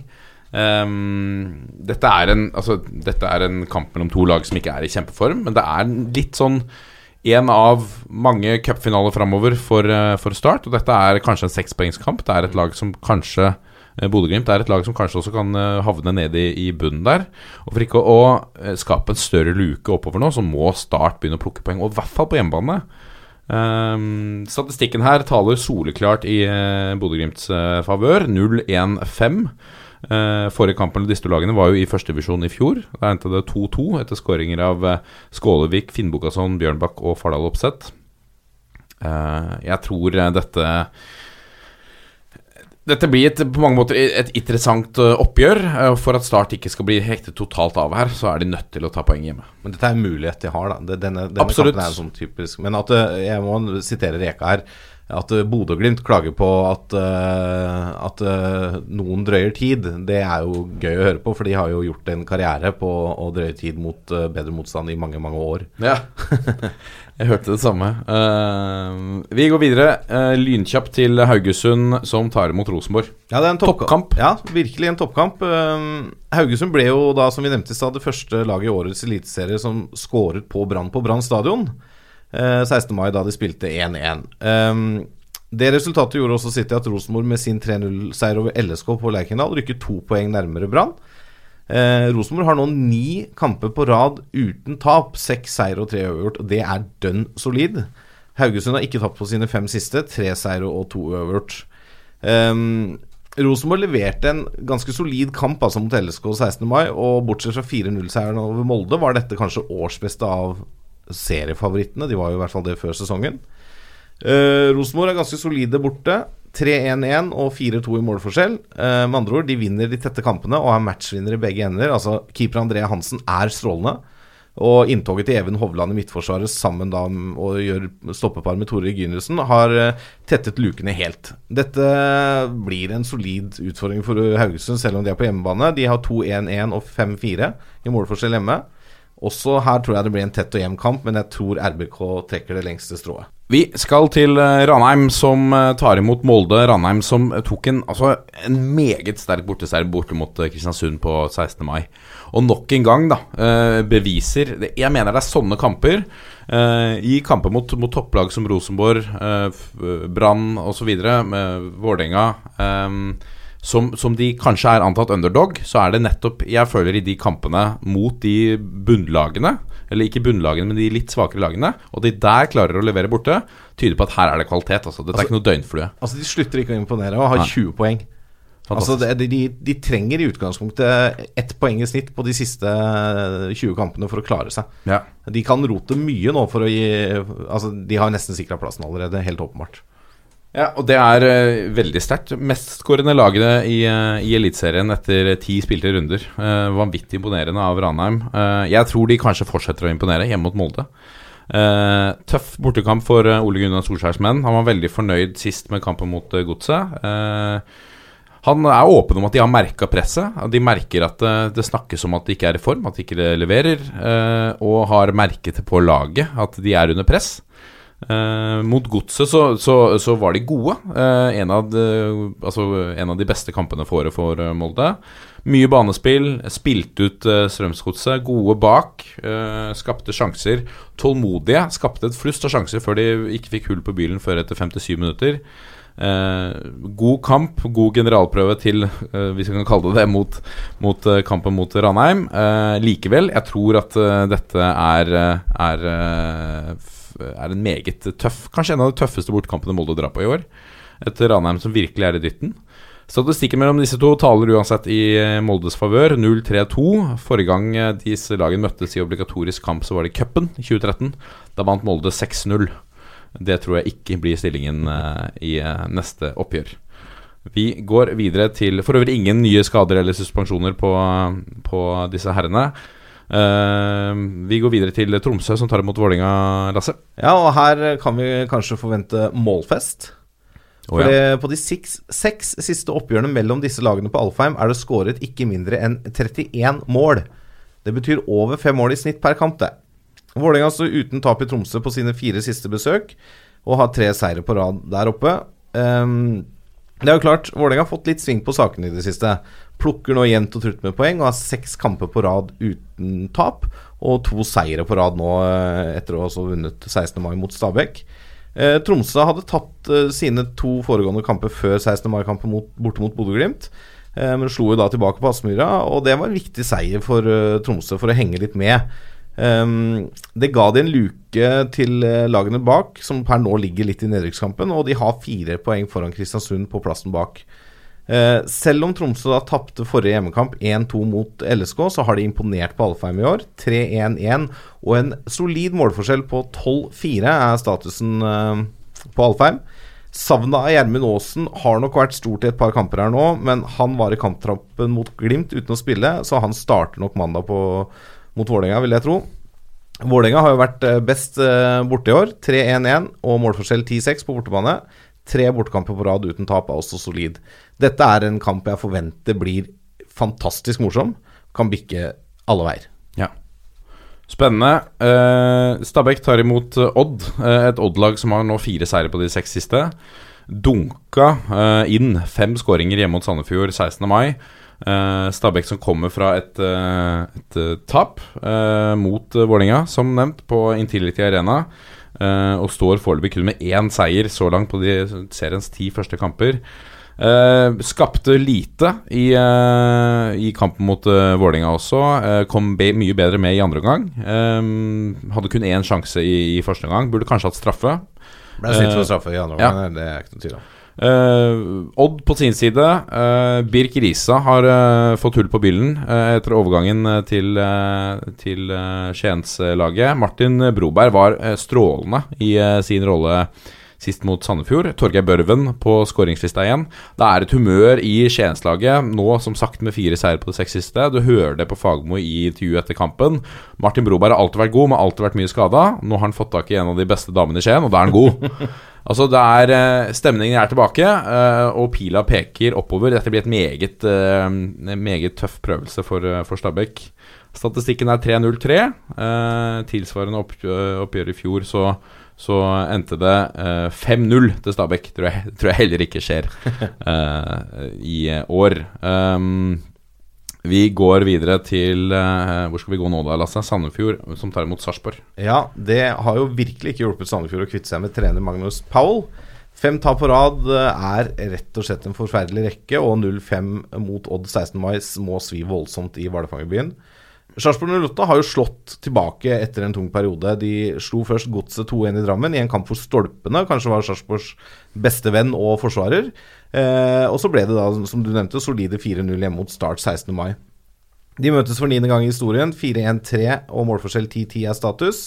I Sandefjord har Sarpsborg slitt. De har bare vunnet én av fire oppgjør. eh, og den kom i førstedivisjon i 2012. Um, jeg er spent på å se hvordan Sarpsborg takler en kamp på naturgress nå. Sandefjord tapte knepen hjemme både mot Brann og Vålerenga før stortap mot Odd, og har hatt noe litt på gang. Eh, det kan bli en vanskeligere kamp enn tabellen tilsier for Sarpsborg, men de må være favoritter. Eh, taper Sandefjord, så begynner det virkelig å brenne et blått lys for videre eksistens i Eliteserien. Lillestrøm tar imot uh, Brann. Uh, topp mot uh, Altså, det er vel ikke topp mot direkte bunn, men, men Lillestrøm ligger på en ellevteplass. Uh, Brann, som gikk på slapp inn mål for første gang på hjemmebane nå sist. Um, de var skuffa, naturlig nok, eh, men kunne likevel gå med hodet hevet i, eh, i 17. mai-toget dagen etter. God match, jevnt mot et godt eh, Haugesund-lag. Lå under, men kom tilbake mot et meget godt Haugesund-lag. Det er vitner om styrke i dette Brannlaget, som også klarer dette. Altså, Ikke, ikke bare vinner de de kampene de skal vinne, men de klarer også å komme tilbake. Mot Lillestrøm blir en ny prøvelse. Spent på å se om Arne Erlandsen legger hele mm, Parkerer et par busser og, og, og satser på kontringer. Eh, Lillestrøm kommer fra en god match mot eh, Rosenborg. 3-0, kanskje litt sånn Også Rosenborg er meget effektive. Lillestrøm er ikke det. Det er den samme gjennomgangsmelodien som vi har hørt i fjor også. Skaper masse sjanser, er blant de som skaper flest sjanser i Eliteserien, men skårer ikke. Uh, og det kan bli tøft hjemme mot uh, Brann. Uh, jeg, men jeg altså Arne Erlandsen er en lur rev. Her kan det fort bli en uavgjort, altså. Og det tror jeg han er meget fornøyd med hjemme på Åråsen. Statistikken her er 3-0-3, um, og et, eh, et spennende oppgjør for, uh, mellom Lillestrøm og Brann på Åråsen.